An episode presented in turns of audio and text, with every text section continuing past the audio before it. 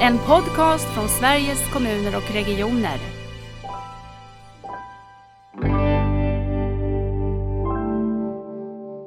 Och allt fler pratar och jag hör det att det måste finnas ett annat sätt. Och, och då får vi leta efter de andra sätten. Och kanske också hjälpa till med att svara på en av vårdens viktigaste frågor. Vad gör du när du inte vet vad du ska göra?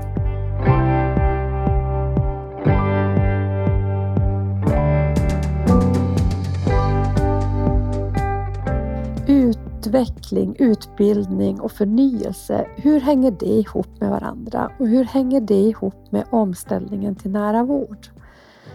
Idag har vi en gäst i Nära vårdpodden som jag tänker verkligen har mycket tankar och mycket kunskap om de här områdena. Eh, välkommen till Nära vårdpodden, Mikael Bergström. Tackar. Tycker du att jag beskriver dig rätt?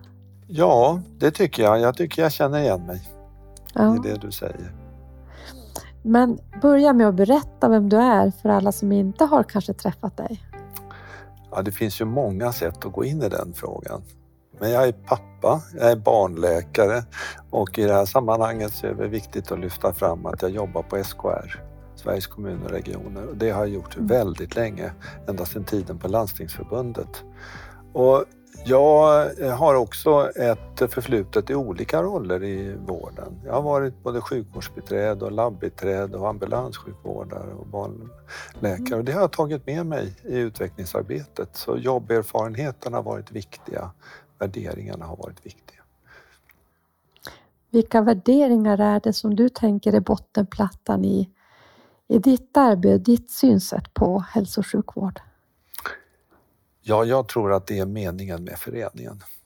Ja. Alltså vilken, vad är vi där för och för vem och tillsammans och eh, att inte glömma bort det eh, när man pratar om resultat. Många pratar om svarta och röda siffror men vi är ju ändå där för att eh, tillsammans med dem som vi är till för göra det bästa möjliga för dem. Mm. Och jag tänker också att, att ha, med, ha med det som bottenplatta, det gör också att det förenar så många olika eh, perspektiv och många olika uppdrag. För man kan aldrig på något sätt bortse från om man har det som grundplatta. Mm, mm. Har det varit självklart för dig alltid? Ja, jag tycker nog det. Jag, jag, jag tycker att det har handlat om system. Det här att vara barnläkare är ju inte bara att ta hand om barn. Det handlar Mm. om familjer. Det handlar om system för att det ska bli bra för, eh, de, för barnen. Och då kan man, behöver man tänka lite mer i system och utveckling. Och, jag tror det är därifrån det kommer. Mm.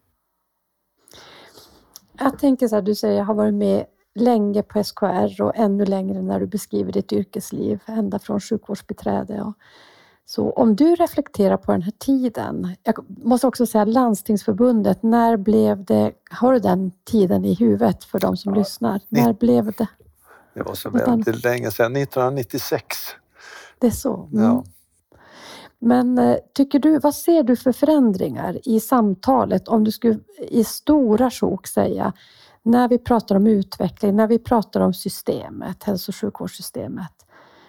Vad tycker du har hänt under den här tiden som du har fått vara i de här frågorna? Alltså jag tycker det handlar om att se saker och ting på sikt.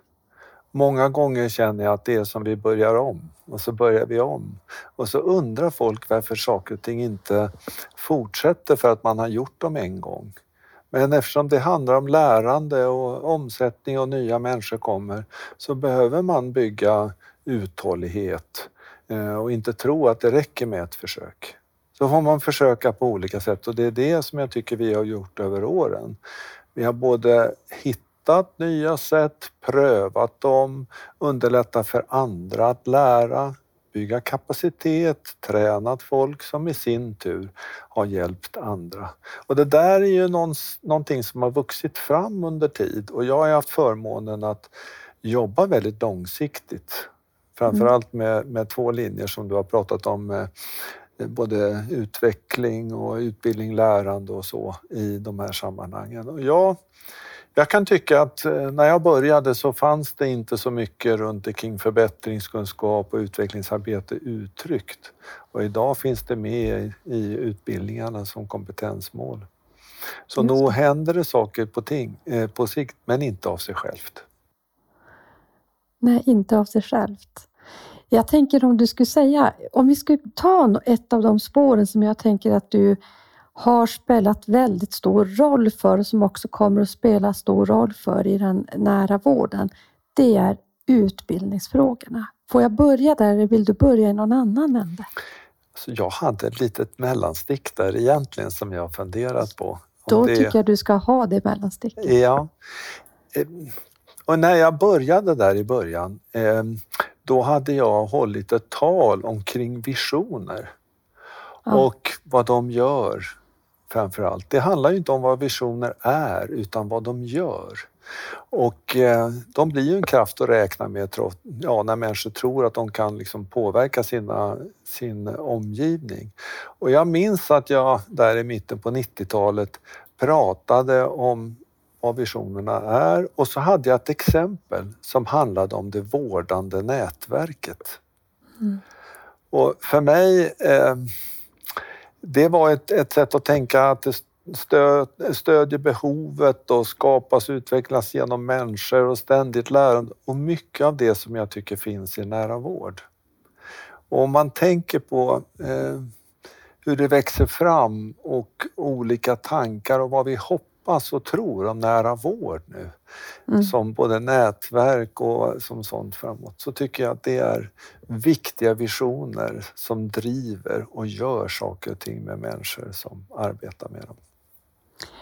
Jag tycker det är så otroligt intressant när vi nu jobbar med denna stora omställning vad just sådana delar som visioner spelar för roll.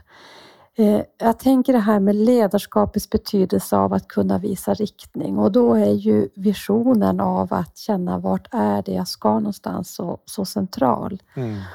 Hur kom det sig att du redan då pratade om det här vårdande nätverket? Ja, jag, jag tyckte nog att eh, ibland så gjorde man saker och ting väldigt förenklat. Enda lösningar, Eh, rör, stuprören inte träffas. Att det var lite mer komplext. Eh, att det handlade om, om nätverk om det ska bli bra. Eh, och jag tyckte det fanns inte enkla lösningar. Det behövs flera inblandade. Det är inte så solklart, men näten ihop blir väldigt viktiga. Och jag, jag, det, var, det har följt mig, det här med nätverk och system och utveckling och lärande. Och också någon slags fråga om ett nätverk som inte ja, som bygger på att vi gör saker och ting tillsammans med patienter. Eh, och inte alltid för eller åt, utan mm. tillsammans med. Det måste ju ändå varit ganska tidigt och det måste vara en vision som inte alla pratade om. Idag tänker jag att vi har ändå, jag upplever det i min resa under min yrkestid nu, att jag ser att vi är många, många fler som ser den här visionen framför oss. Eh, var du inte ganska tidig där med den här bilden av nätverket och Ja, man skulle gärna vilja hoppas det. Man, ibland får man inte tänka att... Eh, jag vet att jag tog i ordentligt och att folk hisnade lite i den där föreläsningen den gången. Eh, men det kändes bra och det kändes rätt eh, i den tiden. Ja, ja jag, mm. jag tycker nog det. Eh, för mig är du också en som har en väldigt stor omvärldskunskap kring vad som händer runt om i världen med, med vårdsystemen. Och du har också haft en, ett nära, eh, nära kollegialt samarbete skulle jag säga med, med Dog Eby i, i Alaska. Och det jag har tagit med mig från dina berättelser om systemomställningen där, som hänger ihop med visioner, det är ju det som blir också visionen som leder till ett annat formande av uppdraget. Mm. Mm. Jag tänker, vad har uppdrag för betydelse för att göra förändringar, tänker du? Hur uppdraget formuleras för en verksamhet eller ett system snarare? Jag tror det är väldigt viktigt eh, hur uppdraget formuleras och eh, jag tror också det är viktigt att tänka på rekryteringen till att leda uppdrag och att när vi har eh, stor omsättning att man, man rekryterar med hänsyn till uppdraget. Mm. Du är inte bara chef här för, för pengar och eh, för det utan du också ska se till att folk lär sig, underlätta för det, underlätta för samspelet med de som vi är till för. Vi kommer titta och stötta dig med alla de sakerna, för det är ditt uppdrag. Ett mm. annat uppdrag som jag tycker är väldigt viktigt som man ibland eh, talar om att ja, vi ska göra vård, men vi ska också utbilda. Mm. Och vi ska se till att det blir utveckling och vi ska se till att det blir forskning. Och mm. det är inga sidouppdrag, det ingår. Mm. Det tycker jag är viktigt också. Jag börjar säga det, eh, att jag tänker att du har också varit väldigt viktig för inte minst läkarutbildningens omdanande. Så. Och också för hela målformuleringsbeskrivningarna. Hur hänger det här ihop? Och berätta om hur du ser på utbildningsuppdraget, hur du ser på, på hur utbildningarna också ska kunna formas framåt. För jag tycker att det är någonting som jag ser tydligare och tydligare i den här omställningen. Att utbildningarnas betydelse Ja, jag tänker så här ehm, och går jag tillbaka så är ofta tänker, alla har två jobb. Man mm. har sitt jobb att göra om man har jobbet att utveckla det som man håller på med. Och det behöver man träning för och lära sig tidigt. Både för att kunna utveckla men också känna att man är med och bygger och har liksom den kraften och fått stödet för det. För det är inte självklart och har inte varit självklart och att det utrymmet behövs. Nu har vi framöver oss i nära vård eh, lite som jag, du och jag har pratat om att det är byggprojekt. Det är mm. inte bara omställning. Och byggprojekt lockar, eh, tycker jag. Jag har fått vara med om, om flera sådana och jag tror att det är viktigt att när man går in i vården eh, och kanske inte har varit eh, så mycket men tänker sig att nu ska vi bygga framåt. Vi ska bygga, vi ska bygga nätverk, vi ska ha med oss den entusiasm som ligger i att skapa nytt. Och det tror jag är viktigt att man förbereder våra blivande medarbetare och studenter. Mm.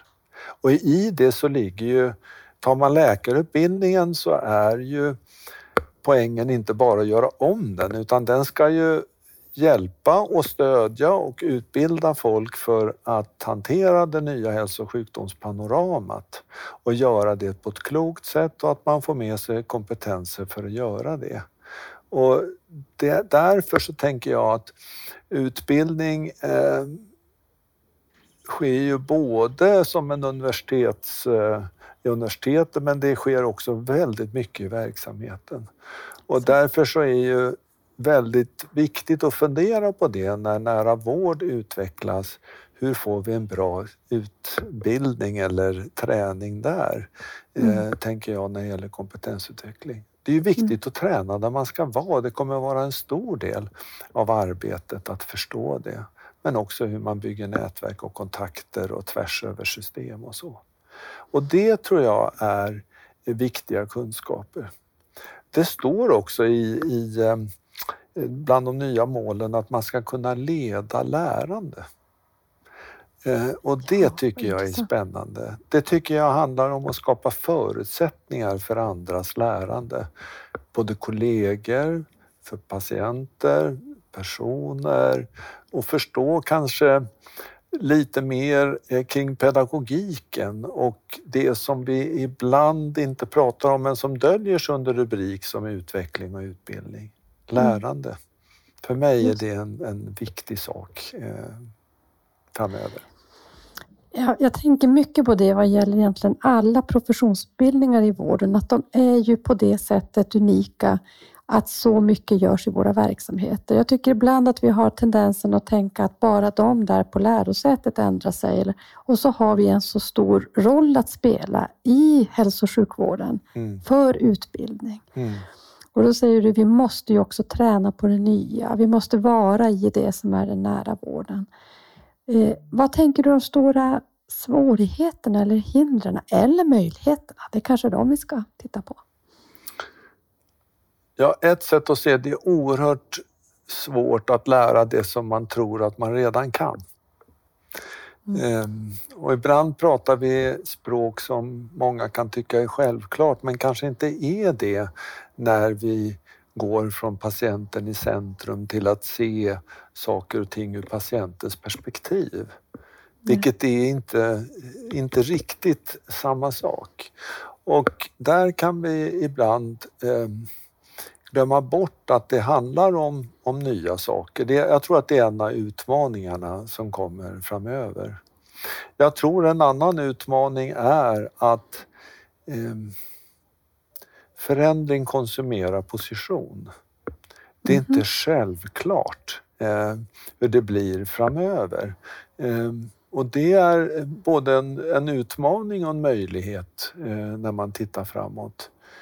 Ibland så har jag hört en, en engelsk eh, strateg prata om hur är det att leda i tider av förlust.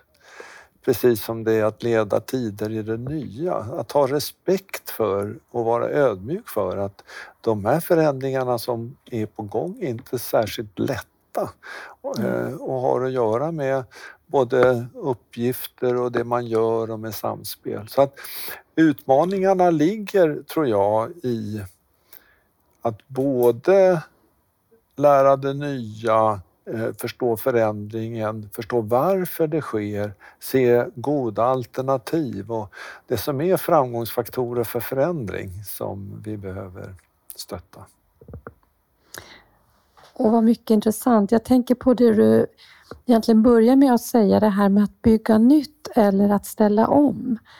För då tänker jag att om, om förändring kan konsumera, eh, vad var det du sa nu? Förändring konsumerar... position. Position, makt. Mm, makt. Eh, då tänker jag att då kan det vara väldigt lätt att tänka att om vi nu ska ställa om så är det ju maktförluster mycket i den här omställningen. Att bygga nytt känns ju ändå som att man kan eh, ha mer energi i, i själva görandet mm. på något sätt. Mm. Mm. Ja, jag tror det. Jag, jag tror att när jag har läst och spanat och internationellt och, och, det som kännetecknar många framgångsrika, både ledare och andra, det är att de är byggare. Mm de bygger på olika områden men det, det, finns någonting, saker och ting skapas ju flera gånger både i huvudet och i verkligheten. Mm. Och att det finns, eh, det är viktigt och roligt att få vara med om det. Mm. Ja, det är ju verkligen det. Och kanske också att våga tänka att det måste få vara så att det skapas både i huvudet och i verkligheten. För ibland tänker jag att vi inte riktigt har tid för skapandet i huvudet heller, för vi behöver ju möta varann för att skapa och bygga i våra huvuden också och bli på något sätt besjälade och få lust. Ja, och, och sen eh, Eh, ja, det räcker ju sen inte att tänka och veta. Man måste ju göra också. Mm. Saker och ting händer inte bara för att folk säger det eller att Harry Potter det här med vårt eh, eh, trollspö eller genom osmos och så, utan det finns en hel del av lärande som eh, behöver komma till. Och jag tänker på det när det gäller ny sammanställd kunskap och tillgänglig kunskap både det som plockas fram av forskning och utveckling och som patienter har med sig på olika sätt. Att det behöver, ja, allt det där behöver komma till stöd för att vi utvecklar framöver och göra det genom att vi testar och prövar och får det att fungera hos oss. Det som man kanske vet och har tagit reda på i, i stora studier ska ju ändå fungera här hos oss oavsett om vi är kanske Jokkmokk eller Örebro eller någonstans. Mm. Och det steget gör ju att vi inte kan göra det kanske bara för att vi försöker kopiera utan att vi behöver adaptera och pröva och få det att funka hos oss. Och det här är att jobba med förändring och, och fundera också vilka faktorer som hjälper till. Ja. Ja, för vilka faktorer? För jag tycker att jag hör ju väldigt mycket det. Det finns ju ett sådant stort engagemang för den här omställningen. Men det, i det engagemanget finns det ju också frustration. Därför att man tänker att det händer för sakta, jag vill se mer. Varför sprider inte exempel sig? Varför är inte det där man gör i Jokkmokk på automatik att det sker i Örebro? Eh, du som du har tänkt mycket och kan mycket om förändringsprocesser, vad, vad tänker du när jag säger det? Alltså jag, förlåt, eh, det kan jag eh, Jag tänker så här att det handlar rätt mycket om vad kan vi lära av förändring? Vad kan vi lära av studier kring förändring? Och jag är väldigt förtjust i det arbete som har gjorts av en man som heter eh, Dave Gustafsson borta i staterna i Michigan. Och han forskade på framgångsfaktorer och identifierade 22 stycken, varav de fyra starkaste för att lyckas var det första är varför. Mm. Eller tension for change. Ett starkt varför. Utan ett starkt varför vi ska göra eller si eller så, så kommer man inte så långt. Och det andra är kloka alternativ till det som vi gör idag. Att man ser sig göra det klokt. Och, och apropå när man ska lära och sen att man, man vet hur man testar och prövar och säger, går från A till B och sen är det liksom det slags sociala stödet eller ensam är inte stark. Man behöver stötta varandra, ha mötesplatserna och stötta. Sen är det så att om man har, inte har sånt där på plats kan man arbeta för det. Har man alla de här faktorerna på plats så ska man komma ihåg att status quo är väldigt starkt. Mm. Så vi, vi lär oss genom att försöka, det kanske inte går så bra, och så försöker vi bättre och så kommer vi lite längre. Och det är en del av de här processerna. Um, när man säger att man ska lära av andra, då behöver man har ganska klart kläm på vad det är man håller på med själv. Eh, ibland, Berätta, pratar, ja, men ibland pratar man om benchmarking och, och så kan man se att, att andra gör det men eh, den här frågan hur det passar av oss och vad vi egentligen gör så att vi kan, eh, vi kan pröva hos oss, den, den är viktig att känna till. Egenkännedom i, i sådana lägen. Sen mm. så finns det sånt som man ibland kanske inte tänker på, som jag stötte på för länge sedan också, att vi säger ibland att vi ska, alla ska lära av de bästa. Men om steget är för stort så kan det bli för svårt. Man, man kan behöva ta eh, lagoma steg. Eh, och det är klart att vi ska ha väldigt goda förebilder men det är inte självklart att vi har alla förutsättningar, att vi får jobba på dem och att vi får gå ifrån där vi är. Kanske inte samma resa, gå snabbare fram, mm. men vi tar ju kanske inte jätteskuttet direkt. Men tänker du att med de här kunskaperna som du har, tänker du att vi laddar våra verksamheter med rätt redskap? Vi var inne på utbildning och jag tänker samtidigt lärande som du var inne på, det, det måste ju pågå hela tiden och jag mm. kan ibland blickat tillbaka till mitt eget yrkesliv och de roller jag har haft i systemet och tänkt att vi har inte riktigt efterfrågat de där kunskaperna nu du lyfter fram. Vi har inte riktigt haft odlingsytorna för att man ska förstå mer av de här eh, delarna för att förstå hur man förändrar systemet. Eller ser du andra delar? Tänker du att vi har dem på plats? Nej, jag, jag, en av de delarna som jag och som vi har pratat om tror jag Elisabeth, det, det är ju frågan om team ja. och att lära ihop och tänka mm. det liksom att, att man behöver träna det. Man behöver träna det interprofessionella arbetet. Och jag har ibland tänkt det där som en pjäs. Mm. Att vi, vi kanske ska ha en, eh, fundera på pjäsen för ibland kan jag känna att pjäsen är att du läser Romeo och jag läser Julias roll men du läser inte hela och jag läser inte hela och så går vi upp på scenen och så ska vi spela det där ihop men vi har inte repeterat ihop. Mm. Utan ska vi, och de som tittar på undrar vad det är som pågår. Och, och, då kan jag tycka att om man ska jobba ihop så behöver man också lära ihop. Man behöver få vara med och träna det på plats och tänka värdet av att kunna samspela eh, tillsammans och ta vara på olika kompetenser. Det är inte självklart att det det är en som har det. När man jobbade med tillgänglighet, en av världens största eh, projekten i England när det gäller tillgänglighet eh, till exempel i primärvården, då var det tillgängligheten till vård vi pratade Mm. om. Mm. Och, och utifrån de behov man har. Nej, jag, det, jag tycker det finns, eh, det tycker jag är ett område som vi behöver fokusera mer på. Team. Och jag tänker också det vi var inne på, utbildningarna har ju verkligen två kontexter och kontexten som är hälso och sjukvårdskontexten och rollen för utbildning och lärande där. Där har vi ju alla möjligheter att verkligen tänka team då. Mm. Men då måste vi också bestämma oss att det är det vi vill, det är det vi vill träna Mm. och det är det vi behöver eh, få misslyckas i, det är det vi behöver få experimentera i. Mm. För jag tycker att det finns någonting i det du börjar med att säga att det är svårt att lära det man tror sig redan vet, tror sig redan göra eller kunna. Mm. Och då tycker jag att det finns två områden som jag ofta hör eh, lite grann som att det här är någonting vi redan gör. Och det ena är personcentrering. Mm. Vi jobbar redan personcentrerat hos Mm. oss.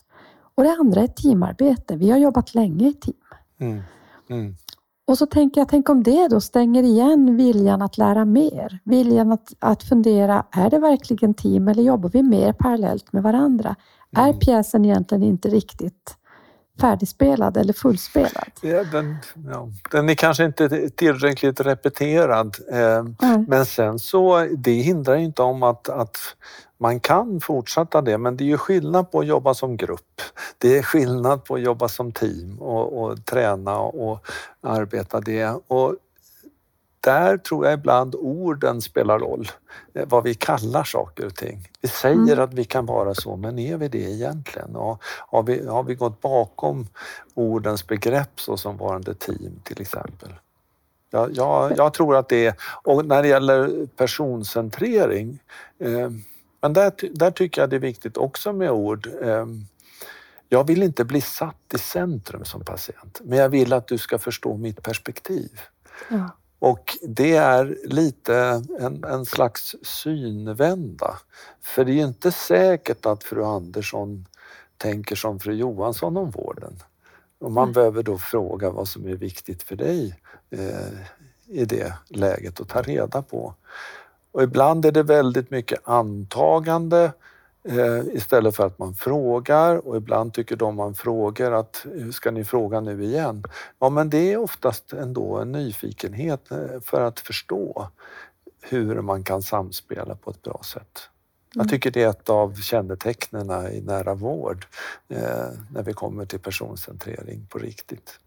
Nyfikenheten eller? Ja, nyfikenheten, eh, viljan att, att eh, fråga och förstå. Jag försöker ju vara fråggivare. Jag Mm. är ibland senior rådgivare som det står, men jag försöker vara fråggivare. Jag tror att det är väldigt viktigt med frågor och eh, att man, man jobbar med dem. Det är kanske en utvikning men eh, i England så finns det ett ställe som Rutherford Institute där det kom väldigt många nobelpristagare därifrån. Och man började fundra, vad gör de för någonting eh, som gör att de har just det?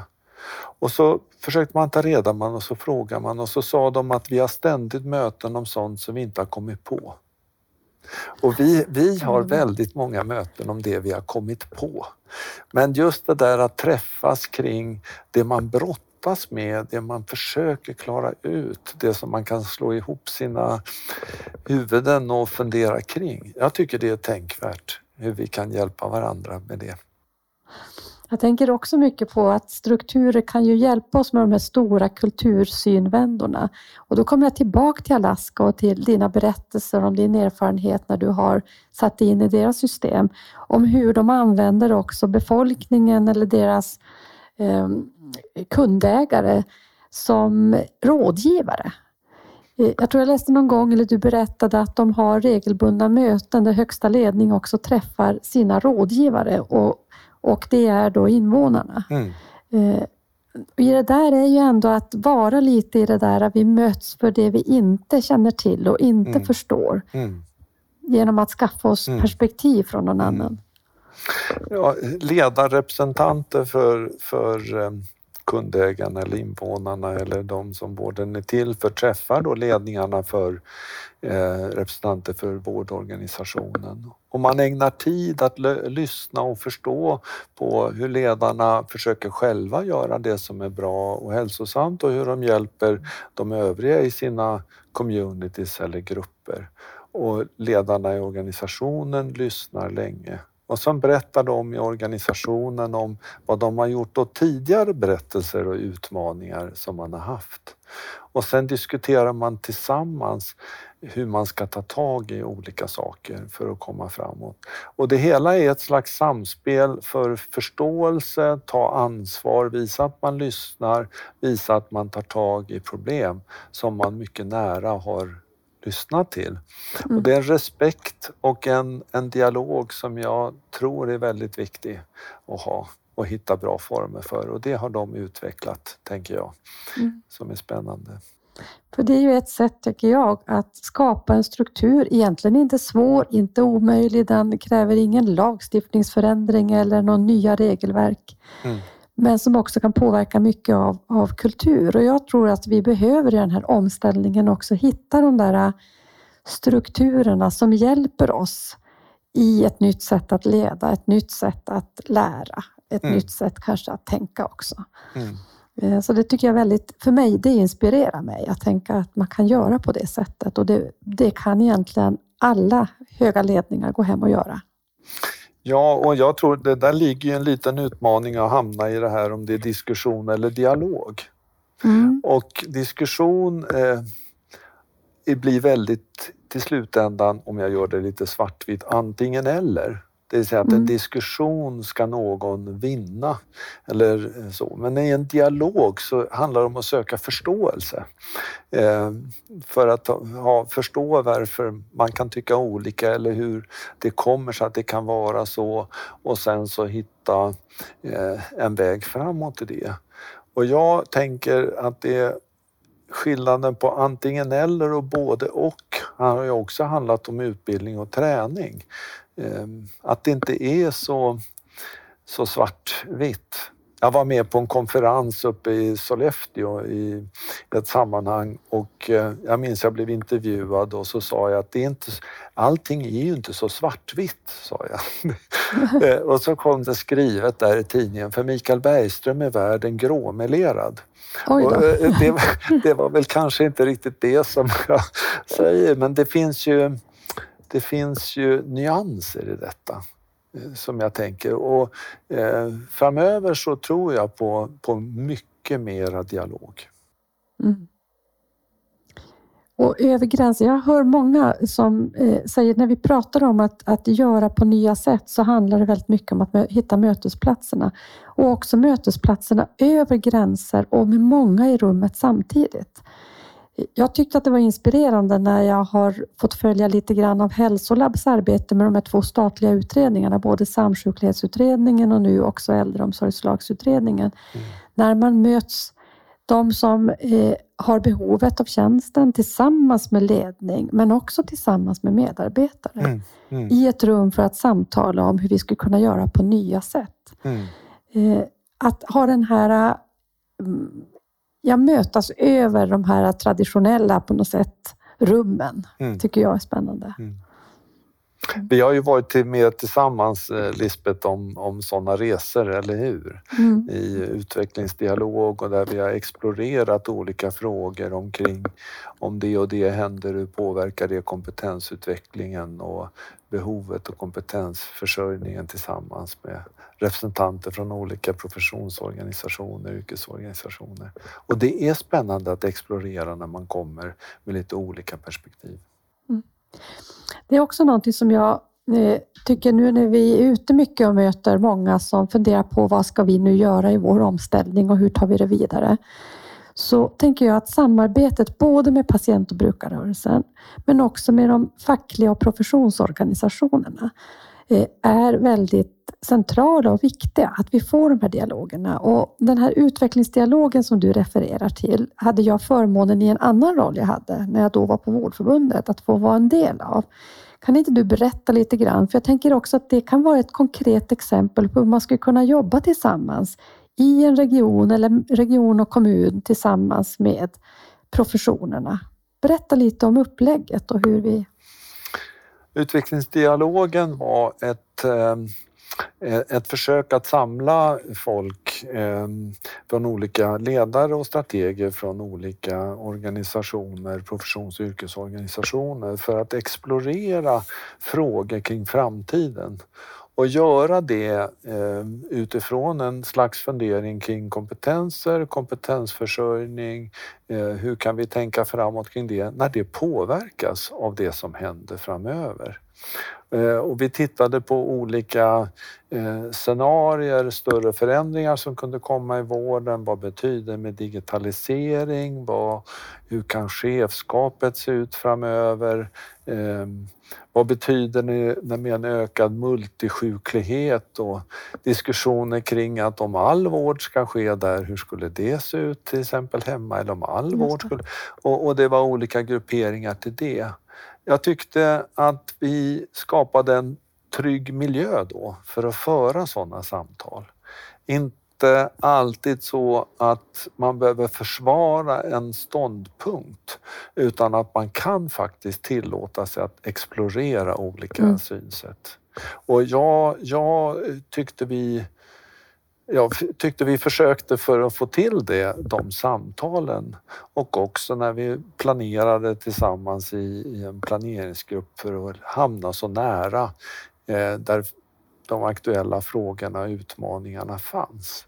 Mm. Vi hade ju en serie på vad var det, 10-11 möten under ett par års tid mm. eh, med regelbundna träffar kring de här olika temana. Eh, när jag tänker tillbaks, eh, Lisbeth, på, på det där så pratar vi rätt mycket om det som sen kom att hända ett par år efteråt. Eh, mm. och då var det någon slags... Eh, ja, det var spännande att ha haft de diskussionerna och de samtalen. Mm. Jag tänker som var med från eh, den fackliga sidan, att det var ett väldigt viktigt eh, mötesplats, precis som du säger, att det var inte för att försvara positioner eller att tänka det som vi redan har tänkt, utan att tänka tillsammans på det vi faktiskt behöver utforska, explorera på det sättet. Vi har också en dialog pågående, ska jag säga, just nu också med de fackliga organisationerna för att jag tror att det här är helt centralt och viktigt. Och jag tror just den typen av samtal behöver vi mycket, mycket mer i den mer regionala, lokala kontexten mm. också. Mm. För vi ska ändå göra det här tillsammans. Jag kommer precis innan jag spelar in den här podden från ett möte med patient och brukare och närstående rörelsen. Mm. Och det är ju viktigt att säga att när man möts så, så möts man ju inte för att informera vad SKR gör för att ställa om till nära vård. För det är ju inte SKR som äger nära vårdomställningen. Den mm. måste vi ju göra tillsammans. Mm. Mm. Och att försöka hitta sådana ytor och ha det mindsetet i sina mm. möten. Och det tyckte jag att den här utvecklingsdialogen lärde mig väldigt mycket om. Jag tycker också att det den lärde mig om var nog det som du har pratat om kring förbättrings... Hur får man till förändring och förbättring och förnyelse? Eh, vi pratade lite grann om re, eh, vara en resebyrå för, eh, för en framtidsresa på något sätt. Att vara den som kan ladda med mötesplatser och verktyg och mm. på det sättet underlätta. Mm. Mm. Och förändring och byggande kanske. Om du har hittat framåt så tala inte om eh, kanske, du kan berätta om stigen, var den finns bortom busken. Men om den leder dit eller om den verkligen för framåt, det kan man ju behöva ha lite stöd och fundering eh, kring, tror jag. Eh, och mm. jag tror inte i det här att eh, det är viktigt att se hur vi kan göra det hos oss. Mm. Eh, eh, och att man får ha respekt att det inte finns one size fits all. Eller vi kan lösa det med more of the same eller så. Och allt fler pratar och jag hör det att det måste finnas ett annat sätt. Och, och då får vi leta efter de andra sätten och det finns ju där i framgångsfaktorerna för den nära vården att se på samverkan på ett annat sätt, använda ny teknik, utveckla egenvård, tänka på att eh, de, man behöver lära sig att kunna praktisera nya vårdmiljöer med stöd av digitala verktyg och digitala andra former av stöd. Och att personcentrering ska vara en vägledande del och kompetensförsörjning för att jobba i det nya och inte bara jobba mm. i utan för det nya och att det, det. faktiskt utvecklas och så. Det är många som säger det här har vi hållit på med jättelänge. Ja, men det betyder ju inte att man, i, man inte ska försöka igen. Eh, och faktiskt tänka sig att med det ändrade hälso och sjukvårdspanoramat som vi har mm. så mm. kanske inte vi har förmåga att möta det på det sätt som vi har gjort. Det måste finnas andra sätt och då, då behöver vi utforska dem. Mm. Jag tänker på Klara Palmby Broryd. Hon säger bland annat att det finns bara attraktorer. Och jag tänker när du säger det, jag är helt övertygad om att vi kan inte göra på det gamla sättet. Mm. Utan vi behöver ju hitta de, de nya sätten, för det är också för att ha det bra på jobbet, att känna glädje och lust, att kunna ha en mm. rimlig arbetsmiljö. Jag kan sakna mycket det i det, den hälso och sjukvårdsdebatt som pågår, som jag tycker egentligen adresserar väldigt mycket av mer av samma sak. Mm. Det är fler vårdplatser eller eh, fler medarbetare och det skulle vi önska alla, men vi vet att det är ju sånt vi inte kommer att kunna ha, fler medarbetare till exempel. Men hur kan vi, då måste vi se till att det blir också bra för de medarbetare som finns i verksamheten. Mm, mm. Ja, ja, absolut. Jag, jag delar det.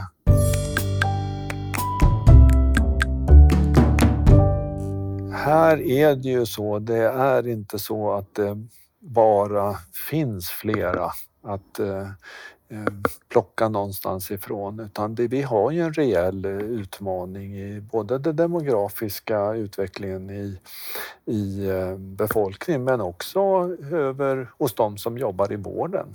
Eh, där det är eh, ja, många som lämnar av åldersdel. Det kommer in en stor yngre puckel framöver som letar efter god handledning och vi mm. behöver hand, handleda på andra sätt och vi behöver hitta fram till dem. Eh, jag förstår att det som man pratar om kanske ligger långt ifrån den upplevelsen eh, idag men det kommer ju inte vara bli annorlunda bara för vi hoppas. Vi behöver tillsammans jobba för att hantera det. Jag så att jag, jag, kan känna, jag kan känna ödmjukhet men jag kan också känna att väldigt mycket energi skulle kunna användas för att titta på de andra sätten mm. eh, och att göra dem. Eh, det finns inte en enda lösning. Det finns möjligheter att pröva flera sätt, eh, tänker mm. jag. Det där var så bra sagt, för det summerar mycket av det jag känner. Jag, jag känner också stor ödmjukhet för att eh, hur situationen ser ut och det, det, tycker jag det får man aldrig glömma bort. Men jag tänker också som du säger att använda energin till det här byggandet. Jag, jag gillar det byggandet, den här metaforen av byggandet för det, det är ju roligt att få vara med om. Mm, mm.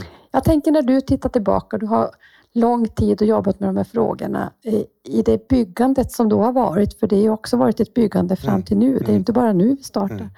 Vad tänker du att du är mest glad över att du har fått se växa fram, mest stolt över i, i det du har varit med om? Oj. Jag har haft möjlighet att jobba många gånger med studenter Eh, i olika sammanhang.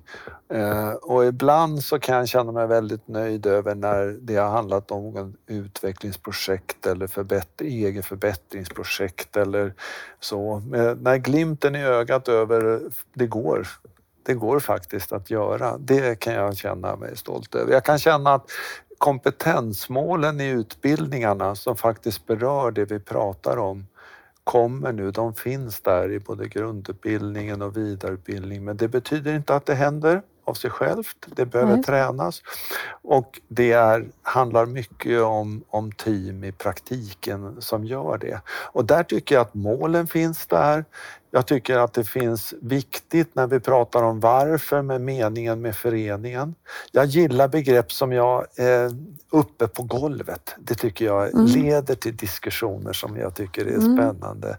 Om det är uppe på golvet som det sker och resten är stöd. Och när de diskussionerna tar fart, det tycker jag är både spännande och eh, jag är stolt över också mycket nätverksbyggande. Jag har haft förmånen att jobba mycket internationellt och träffa människor och som försöker åstadkomma saker och ting i olika kontexter. Och vi lär inte att det är kontexterna som kan eh, bara överföras utan sättet att pröva och att det finns olika vägar. Sen är jag stolt över att försöka bli fråggivare. Eh, ja, det heter ibland mycket att man är rådgivare men det är, eh, frågor är till, till hjälp. Och långsiktighet, långsiktighet och uthållighet över att saker och ting kanske behöver startas igen. Man får akta mm. sig för att säga det har vi försökt. Ja, det var då det. Man behöver försöka under nya förhållanden. Och eh, Ja, att hålla ut. Att hålla ut eh, tycker jag känns så. Jag är också glad över eh, att så många ändå ständigt försöker eh, hitta de andra sätten. För vi måste ta till dem om det ska bli bra. Vi mm, måste exakt. bidra till andras lärande och vi behöver lyfta fram det. Vi behöver använda beteendevetenskap, vi behöver tänka mer på lärande och all den kunskap som nu samlas som kunskapsstöd behöver bli omsatt i praktiken. Och då behöver vi stöd och kunskaper för hur det ska gå till. Och kanske mm. också hjälpa till med att svara på en av vårdens viktigaste frågor. Vad gör du när du inte vet vad du ska göra? Vem vänder du dig till? Hur tar du reda på det? Var hittar du den kunskapen, rådet, personerna, erfarenheterna? Det tycker jag är jätteviktigt. Precis som nära vård. Och jag har försökt prata eh, om mycket av de här erfarenheterna i ljuset kring nära vård som jag tror mm. skulle kunna vara pusselbitar i det bygget. Mm. Jag tänkte precis fråga dig det. Vad, eh, med den erfarenhet du har, din internationella utblick, för du är en av dem som jag känner som har eh, en otroligt stark bild av vad som händer runt om i, i vårdsystemet i världen. För säga. Eh, och det här med råd är ju alltid svårt, men vad tänker du i det här byggandet nu? Vad är det för viktiga saker vi behöver ha med oss i det? Och de som lyssnar, vad ska de tänka? Jag tror att eh, bland det mer spännande det är när man försöker vara gränsöverskridande. När man försöker jobba vård, omsorg, eh, försöka komma över systemet. Jag, jag minns ett, ett engelskt system där man skulle ställa om eh, eller bygga nytt om jag säger så då, mm. och flytta tyngdpunkten. Och så frågade jag en, en, direktör på om det var sjukhuset då, hur såg han på sitt uppdrag? Mitt uppdrag är att se till att det här lyckas. Jag kommer få en annan roll, men det är det uppdrag vi ska ha för att helheten ska gå framåt. Och att, att det behövs, jag ser det framgångsrikt, att uppdragen blir lite annorlunda formulerade och vi kan vi kan lära av det men respekt för kontexten. Eh, och det är inte så att vi kan kopiera rakt av. Det gör de som håller på och lär mycket, de kopierar inte. De, de försöker förstå mm. varför, vilka frågor folk har jobbat med och vad de försöker pröva. Och sen kan man fundera och komma lite närmare kring det. Sen är jag ju, måste ju säga då, ensam kan man ju inte vara i det här jobbet. Man, man måste träffa andra och jag har försökt hålla reda på många i kontakterna över vem som vet. Kanske inte den som har svaret, men den som vet kanske var det finns mera svar att hitta. Och i sådana nät så kan man återkomma till dem. Eh, och så är det ju att man behöver på ena eller andra sättet hålla på själv eh, så att man kan dela erfarenheter kring, kring utvecklingen. Så att eh, som en Global Knowledge Explorer och som en Change Agent och andra sätt att få upp diskussionerna så är det väldigt kul. Mm, det är det verkligen. Du, vi ska börja avrunda. Det går så himla fort eh, när man får fundera på viktiga saker eh, och vara i frågorna också. Eh, är det någonting Mikael som du skulle vilja prata om som vi inte har pratat om? Jag har hört på flera poddar och då brukar det dyka upp den här frågan, vad är nära för dig? Ja, och, jag, för och för mig är nära, det är att träffas här och nu som du och jag gör lite grann. Alltså härvaro och närvaro. Och jag vill att i kommunikationen med dig så vill jag att du är här och att vi försöker vara nyfikna och ha en slags odelad uppmärksamhet kring det. Det finns en skylt eh, för en mötesplats på Oslos flygplats som eh, är en slags meeting point. Och så står det Är det här du är? Om inte så väntar jag på det här. Och eh, att försöka, och vi lever i en tid där många frågar Var är du någonstans? Och vilken plats? Och jag förstår att de undrar i vilket rum jag är eller vilken... Men jag försöker vara här och nu. Mm. Oavsett om vi ses i ett rum eller vi ses på nätet. Här och nu. Stort tack för ett jätteinspirerande och intressant samtal.